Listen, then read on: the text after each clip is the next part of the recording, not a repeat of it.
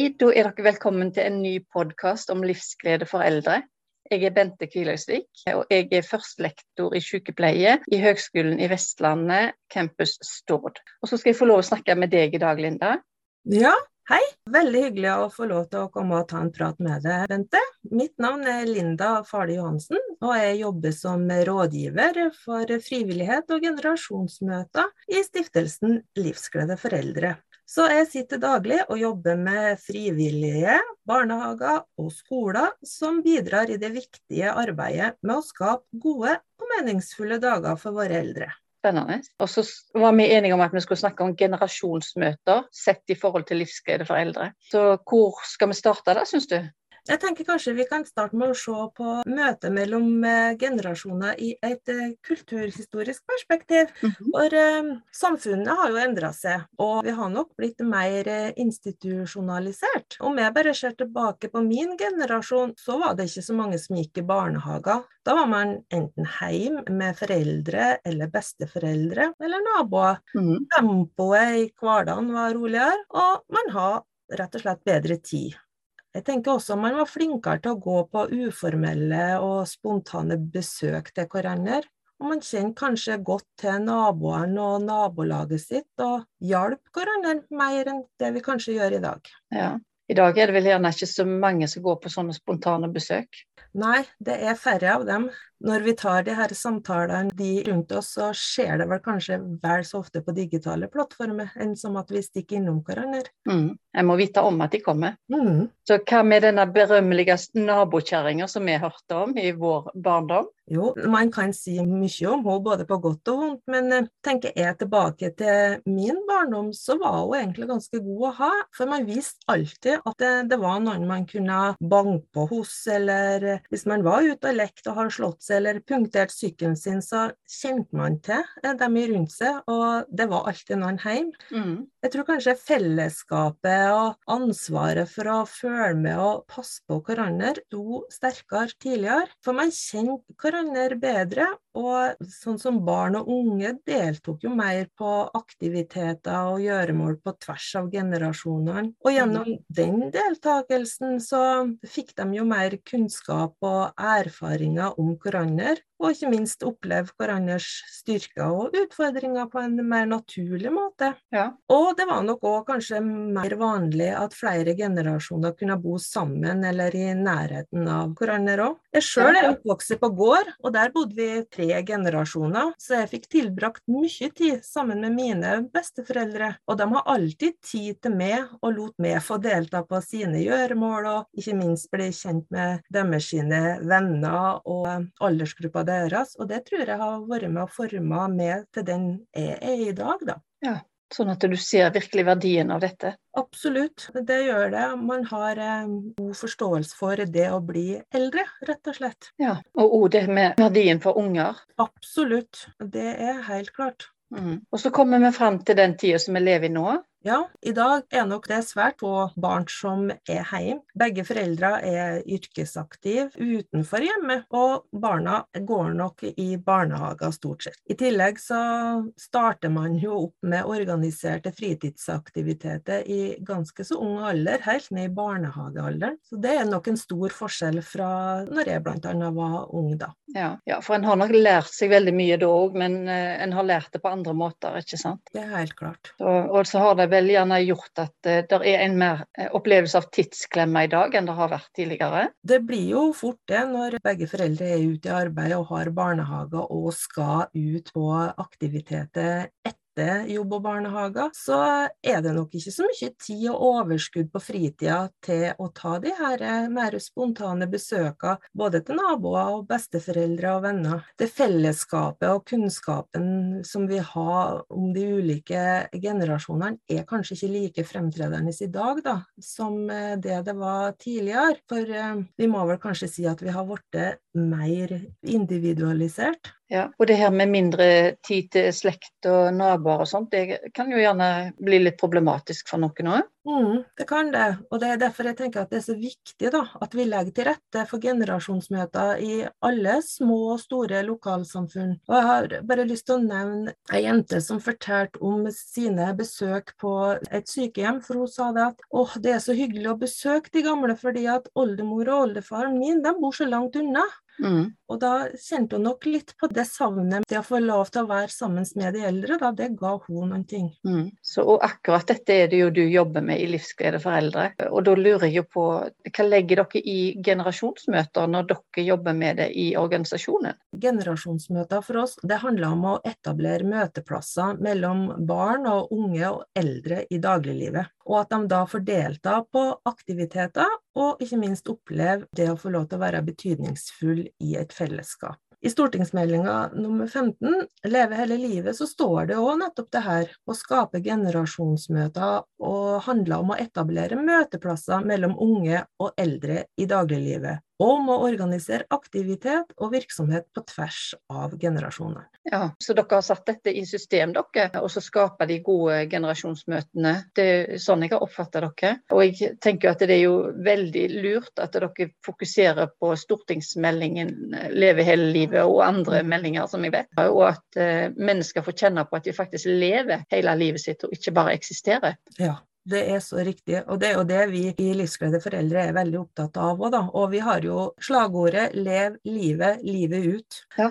Og det tenker jeg er så viktig, da. Og vi kan bidra med det. For som en av eh, ansatte på et sykehjem som jeg besøkte for ikke så altfor lenge siden, hun sa noe om det der at barna de bringer med seg en slik barnslig energi som smitter over på de eldre, da. Og det er bare forteller hvor viktig de her møtene er, da. Ja. Så ved å legge til rette for generasjonsmøter, så får jo de som deltar muligheten til å skape gjensidig forståelse for hverandre, og utveksle kunnskap og erfaring og ikke minst oppleve at de er betydningsfulle for fellesskapet ved å vise omsorg og medfølelse og hensyn. Mm. Og den læringa her på tvers av generasjoner gir både barn og unge en god sosial læring, samt at de får da, kunnskap om det å være gammel. Ja, Og tenk all den kunnskapen som de kan fordele. Det er nettopp det. Og det er jo gjensidig fra begge generasjonene, så det er jo veldig, veldig fint. Mm -hmm. Veldig verdifullt. Det er verdifullt, og det at generasjonene får bli kjent med hverandre. For det er jo med på å skape sterke bånd og en bedre forståelse mellom aldersgruppene. Mm -hmm. Jeg tenker òg at deltakerne erfarer nemlig det at eh, gode opplevelser og vennskap, og kanskje interesse også, ikke har aldersgrenser. Og at de her møtene her da er med på å bygge ei bro mellom generasjonene. Mm -hmm. Kan ha stor betydning for kultur òg, dette her, tenker jeg. For kulturen vi lever i, og for samfunnet vi lever i, og hvordan en eh, ivaretar kunnskap på tvers av generasjoner. Det er helt klart eh, veldig verdifullt i den sammenheng. Så i praksis, da, hvordan gjør dere dette? Hvordan jobber dere med å lage generasjonsmøter? Vi oppfordrer jo da alle ulike institusjoner til å arrangere generasjonsmøter. Da gjerne eldreinstitusjoner, da. I sammen med barnehager, sykehjem, omsorgsboliger, det kan være dagsenter og frivillighetssentraler. Vi har trua på at eh, å la barn og unge bli kjent med den eldre generasjonen, og at de får erfare hva slags ressurser, men også utfordringer de eldre kan ha. Da. Og at det her kan være med å resultere i rekruttering til senere yrkesvalg for de unge som deltar, men òg ikke minst inn i frivilligheten innen helsesektoren. Ja, og Da er det også viktig å poengtere tenker jeg, at man må ikke glemme de hjemmeboende eldre, men at det òg blir tilrettelagt for generasjonsmøter utenfor sykehjem og omsorgsboliger, slik at de hjemmeboende eldre også får muligheten da, til å delta. For tilbake igjen da, til det som står i Leve hele livet, så står det da at for å skape flere gode møteplasser er det viktig at kommunene utvikler politikk og planverk som tilrettelegger for et tett tettere samarbeid mellom generasjonene. Det gjelder òg å finne de rette og naturlige møteplassene og aktivitetene som er godt forankra og tilpassa. Ja, Hvordan kan en egentlig gjøre det? Kan en gjøre det i kommuneplanene sine? Kan en legge til rette for arealplanlegging og sosiale møtepunkt mellom eldre og yngre der? Det tror jeg nok, og det er nok en del som er i ferd med å gjøre det også. Vi har jo, jo livsgledebarnehager som er samlokalisert med f.eks. Eh, omsorgsboliger, eller som er i nærheten av dagsenter. Altså at det, det er nok tenkt mer og mer på det. Mm. Og det er jo veldig, veldig bra. Ja, det er jo kjempebra. At det ligger nesten vegg i vegg, kanskje. Et omsorgssenter og en barnehage. Ja, altså én barnehage vi har, de har eh, Det er mer eller mindre i eh, samme bygget. altså har et fellesareal som på en måte er i midten, da, som skiller barnehagene og omsorgsboligene. Men det fellesarealet er jo der, da. som de møtes jo, Og de møtes jo daglig. Helt supert. Mm. Ja. Hva mer er det dere bygger handlingsplanene deres på i Livsglede for eldre? Altså, vi har jo sett en del eh, på hva tidligere forskning har sagt om eh, fordelene med møtet mellom barn og eldre. Og vi har hatt et samarbeid med en doktorgradsstudent på Høgskolen på Vestlandet hos eh, Barn kunne, Senter for barnefageforskning. Og det som blir sagt der, da, det er jo det at eh, møtet mellom generasjonene det gir felles opplevelser og læring og kunnskap på tvers av generasjonene. Det at det minsker følelsen av isolasjon og hjelpeløshet hos de eldre, gir ny mening i hverdagen og skaper en arena for de eldre hvor de kan dele kunnskap, erfaringer og ferdigheter. Barna får muligheten til å lære av de eldre og samtidig vise frem egne ferdigheter og kunnskap. Mm. For barn som ikke har så mye kontakt med egne besteforeldre, kan det fylle et sosialt tomrom, og det er en arena for sosial og kulturell bærekraft. Ja. Det kan være med å fjerne negative aldersstereotyper og fremme forståelse og solidaritet gjennom inkludering og mangfold. Mm -hmm. Det belyser viktigheten av felles møteplasser og ressurser som har en verdi for alle aldersgrupper. Og det kan fungere som en brobygger både for barn og eldre, og for institusjoner og nærmiljøet. da. Ja. Mm. Så det er jo veldig mye egentlig en kan få ut av dette. Det er jo fint at det er forska på.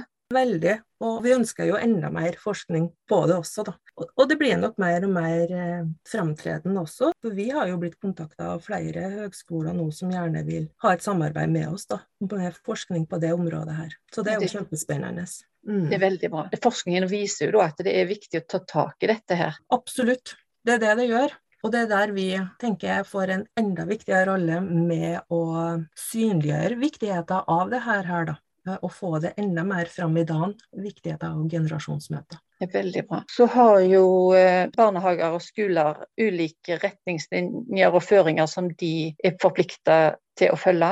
Dere ja. har litt fokus på det òg? Det har vi, og det har vi òg i forbindelse med eh, når vi har utvikla konseptet vårt, og sånn som vi bruker nå når vi henvender oss til skoler og barnehager, så er det jo henvist til rammeplaner i barnehagen, så står det jo ganske tydelig at barnehagen skal bidra til kunnskap om, og erfaring om eh, lokale tradisjoner, samfunnsinstitusjoner og yrker, slik at barna kan oppleve tilhørighet til nærmiljøet, Barnehagen skal også bidra til at barna blir kjent med institusjoner og steder i nærmiljøet, og med lokalhistorie og lokale tradisjoner, ved å introdusere barna for personer og steder og samfunnsinstitusjoner i nærmiljøet. Da. Det er jo veldig tydelig.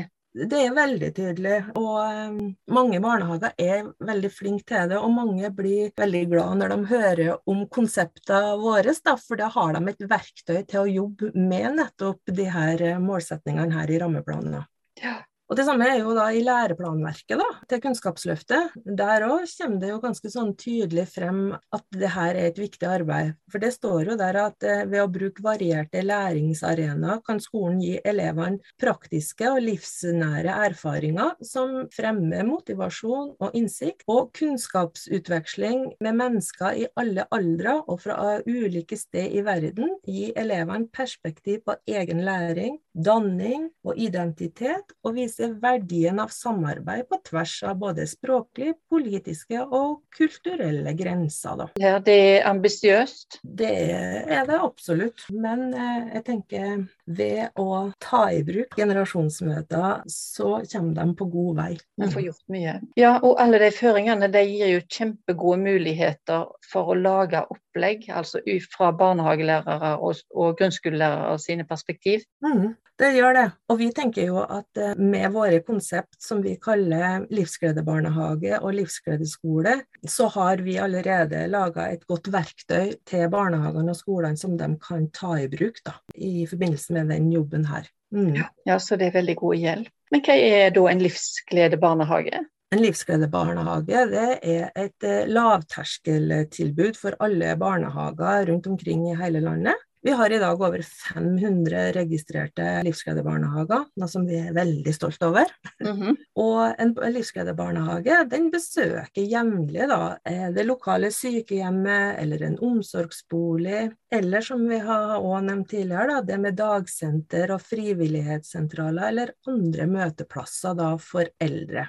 -hmm. Og ved at de registrerer seg med å bli en livsgledebarnehage, så får de tilsendt ei oppstartspakke fra oss. Den eh, er gratis for barnehagene, men da får de eh, T-skjorter til barna. De får en gul, fin trillekoffert, og de får en veileder. Og så får de tilgang da til nettsidene våre hvor vi har laga mange sånne e-læringskurs med enkle tips til aktiviteter som kan gjøres da sammen med de eldre. For eh, det vi er veldig opptatt av eh, under generasjonsmøtene, det er det at eh, barna skal ikke bare komme dit for å underholde, i hvert fall ikke hver gang, for det er jo hyggelig det òg med litt sang og underholdning, men at de skal gjøre en aktivitet sammen.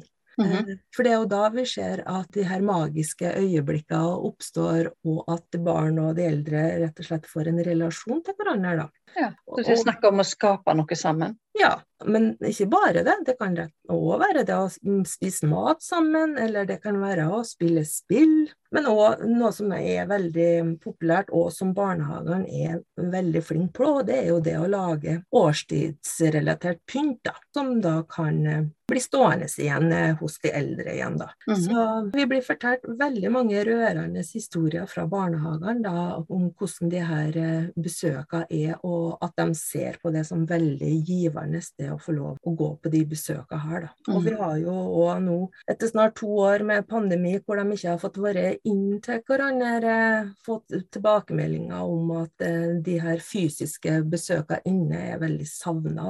Sannsynligvis fra begge, vil jeg tro. Absolutt. Vi har jo en uh, brukerundersøkelse i fjor, da under pandemien, om uh, de har savna besøkene, og det var det jo over 90% som har sagt. Og det var òg over 90% som sa at uh, barna har gått glipp av mye sosial læring da, på det året når de da ikke har fått godt gått uh, på generasjonsmøter. Så vi mhm. ser jo at det er viktig fra begge sider. Ja, og det er barnehager, det har vi snakket om nå. Og så snakket du òg om at det er noe som heter Livsglede skole. Klarer en å få det inn i rammeverket der? Og hva er det en gjør? Ja, i livsgledeskole. Nå har vi da både for ungdomsskole og videregående, og nå i disse dager så eh, blir det òg et konsept for grunnskolen, barneskolen, slik at vi på en måte får dekt fra barnehage og til du går ut videregående. Mm -hmm. Det er jo litt som jeg nevnte tidligere, læreplanverket sier jo òg ganske tydelig det her med å bli kjent med ulike aldersgrupper og kulturer og tradisjoner. Sånn at vi har på en måte veldig sånn god dekning der, og spesielt i forhold til de her nye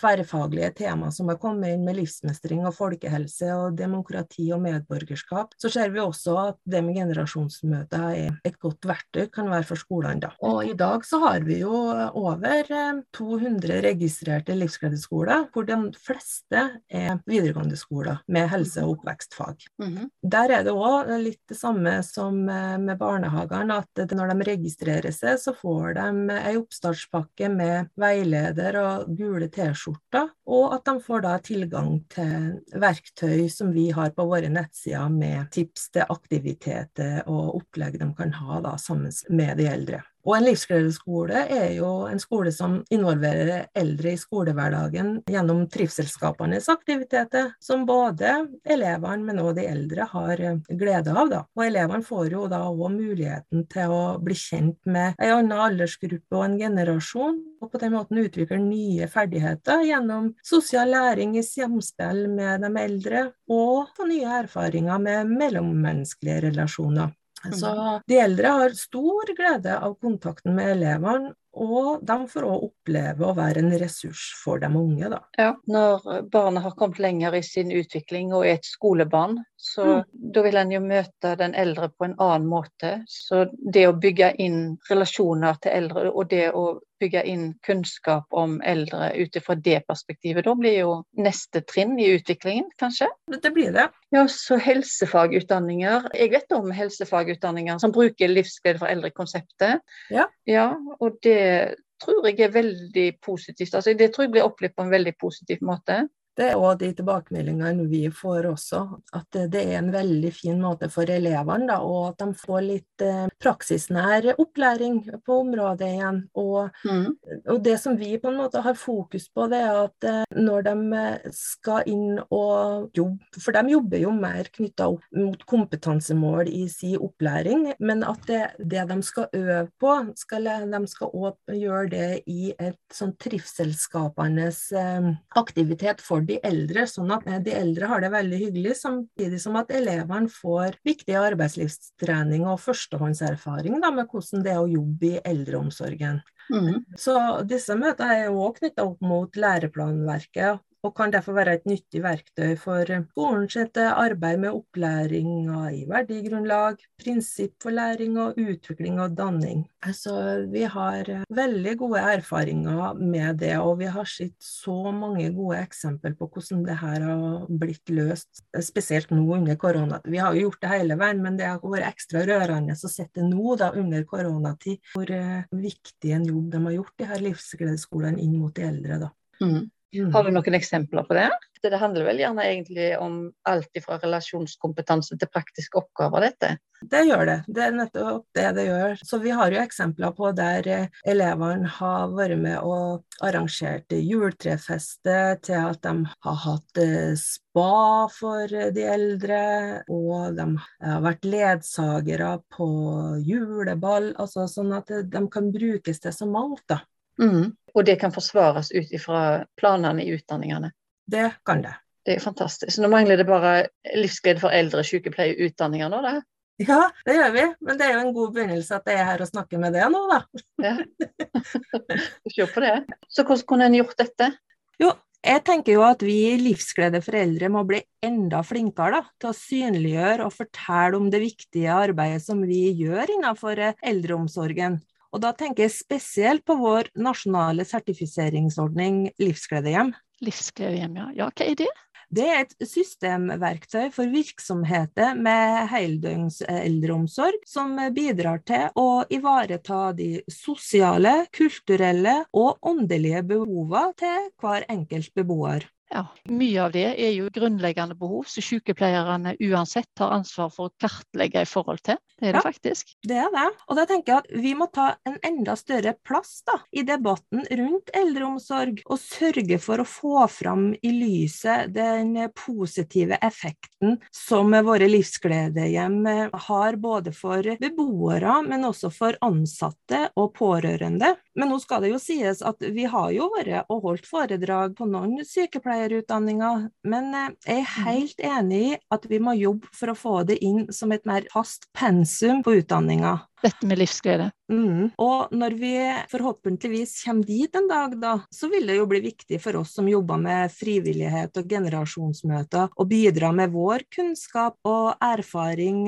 om hva som er viktig når en virksomhet skal legge til rette for generasjonsmøter. Ja, vi har jo hatt besøk av Livsglede for eldre på Stord i sykepleierutdanningen her. Det har vi hatt flere ganger. Og det har vi hatt i forbindelse med helsefremming og forebygging og undervisning i det. Ja, ikke sant? Ja, Stord er jo en av skolene som jeg vet vi har vært og besøkt. Og det er nettopp det her med å få fram i lyset da, det helsefremmende perspektivet som Livsgledehjem representerer, som jeg tenker er kjempeviktig. da. Og også den arbeidsgleden som ansatte sier har blitt mye større etter de starta med Livsgledehjem, da, som vi får i våre undersøkelser. Så det tenker jeg at får vi frem det enda mer, så kan det bli forhåpentligvis enda mer attraktivt da, å jobbe innen eldreomsorgen for sykepleierne òg. Mm, fordi det er et helsefremmende arbeidsmiljø. Ja. Suksesskriterier for generasjonsmøtemodellen, Linda, hva sier du da? Først og fremst så må det ligge et felles ønske da, fra de ansatte, både fra de som jobber med de eldre, med de som òg jobber med barn og unge, om at de ønsker å legge til rette for at generasjonene skal bli kjent med hverandre og gjøre noe hyggelig sammen.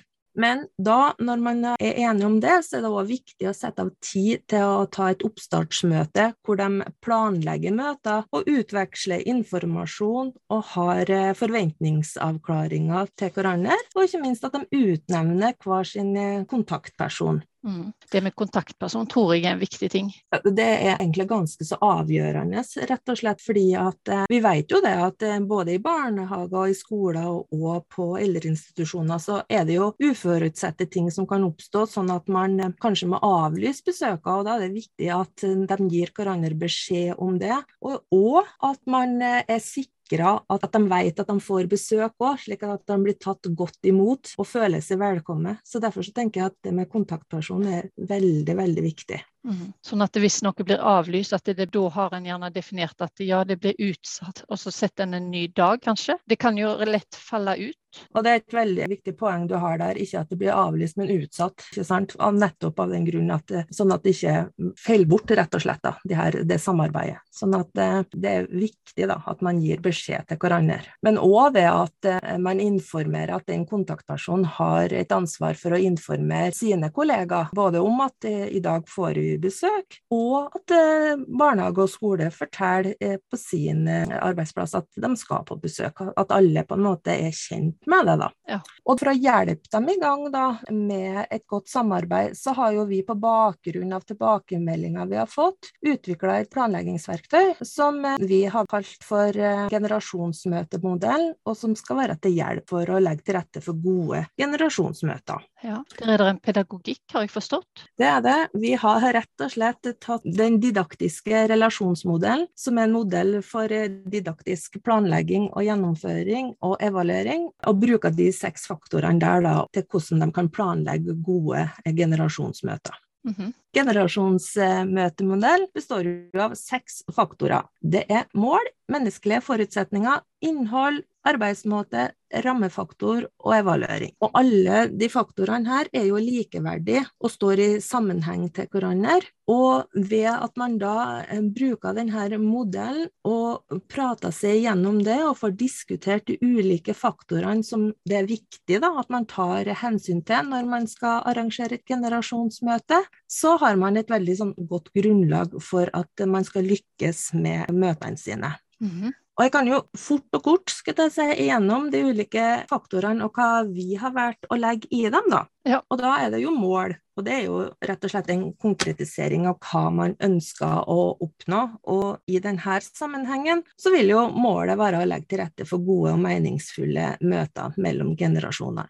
Mm. Så kommer man til de menneskelige forutsetningene, og det er jo deltakerne, altså de unge og de eldre, sine ferdigheter og erfaringer som ligger til grunn. Og da kan det være alder på gruppa som skal møtes, og hvilke aktiviteter og interesser de har, og om det er noen hensyn som bør tas da under besøket. Ja. For det er jo ikke alle barn og unge som har vært inne på eldreinstitusjoner. Da kan det være greit å kunne få fått forberedt dem på at noen sitter i rullestol, eller at de hører dårlig, og at de kan forberede dem da, i forkant. Og da er det godt å ha prata gjennom det her, da. Ja, det er klart det. Så har man innhold, og da er det hva slags aktiviteter er det som skal foregå? Hva er det som passer de som skal delta på generasjonsmøter? Og arbeidsmåte er jo rett og slett om organiseringa, da. Gruppestørrelsen.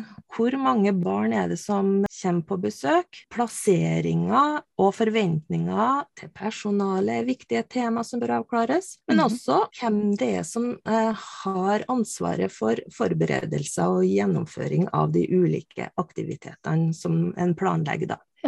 Så er det rammefaktorene, og det handler jo om uh, ulike forhold som kan stimulere eller begrense generasjonsmøtene. Og det igjen da er jo antallet på deltakere, tidspunktet på dagen. Det er kanskje ikke noe som man eh, reflekterer så mye over, men det er ganske vesentlig. skulle jeg si. Og med tanke på barnegrupper, hvis det, de er ganske små, så er det kanskje lurt å gjøre det før de blir for slitne. Og det er jo at man kanskje ikke legger det helt oppunder måltida til de eldre også. Sånn at mm. det er veldig lurt å avklare. Og varigheten av besøket. fordi at eh, erfaringsmessig så er det ikke nødvendig at de eh, tenker at de skal sette av mange timer på det her, her. men eh, hvor lenge er det som er liksom det beste for deltakerne, da? Mhm. Hva som er passelig? Hva er det som er rett og slett hva som er passelig? Og at man tenker på tilgang til toalett. Er det mye bråk i de rommene man skal være? Hvordan er lysforhold og sånne ting òg er, er, greit å ha tenkt over, da.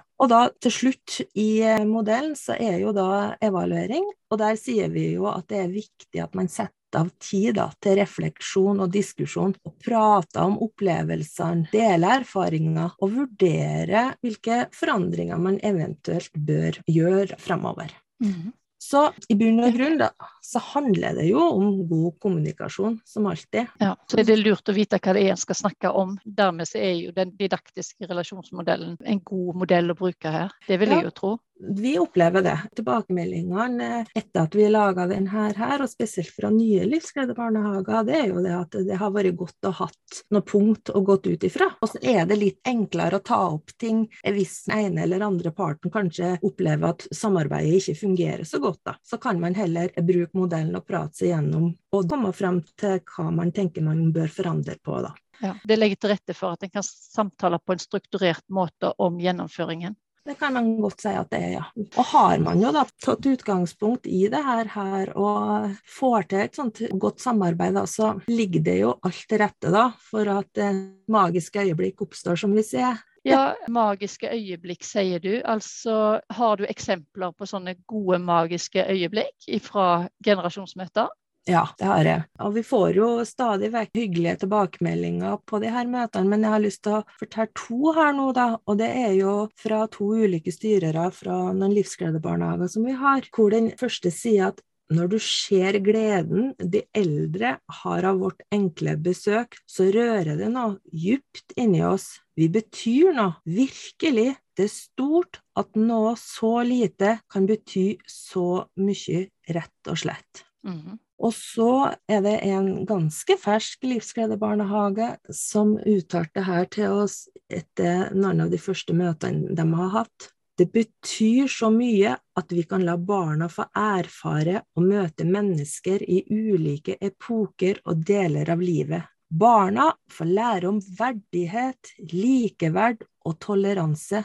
De får kjennskap til å se ting fra andre sitt ståsted, gi omsorg å være et godt medmenneske ved å tenke på andre og ønske andre godt. I tillegg får barna kjennskap til et miljø og får gode erfaringer med et viktig yrke innenfor helse og omsorg. Ja. Er det ikke fint? Det er veldig bra. Og det kan jo òg trigge et ønske kanskje om å gå inn i sånne omsorgsyrker. Hvem vet? Hvem vet? Jeg tenker jo den der synergieffekten som de ungene kanskje kan oppleve da, ved at de får møte eldre fra barnehage gjennom skole, kanskje fører til at de velger helsefagarbeiderutdanning eller sykepleie senere. Så mm -hmm. dette er vinn-vinn for alle, tenker jeg da. Ja, det vil jeg tro. Mm -hmm. Nei, men skal vi avslutte for i dag da, Linda?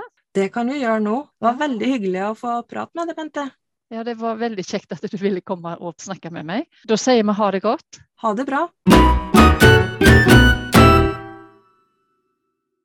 Du har nå hørt en podkast fra Høgskolen på Vestlandet. Du kan høre flere podkaster fra oss ved å gå inn på nettsiden hvl.no. slash podkast.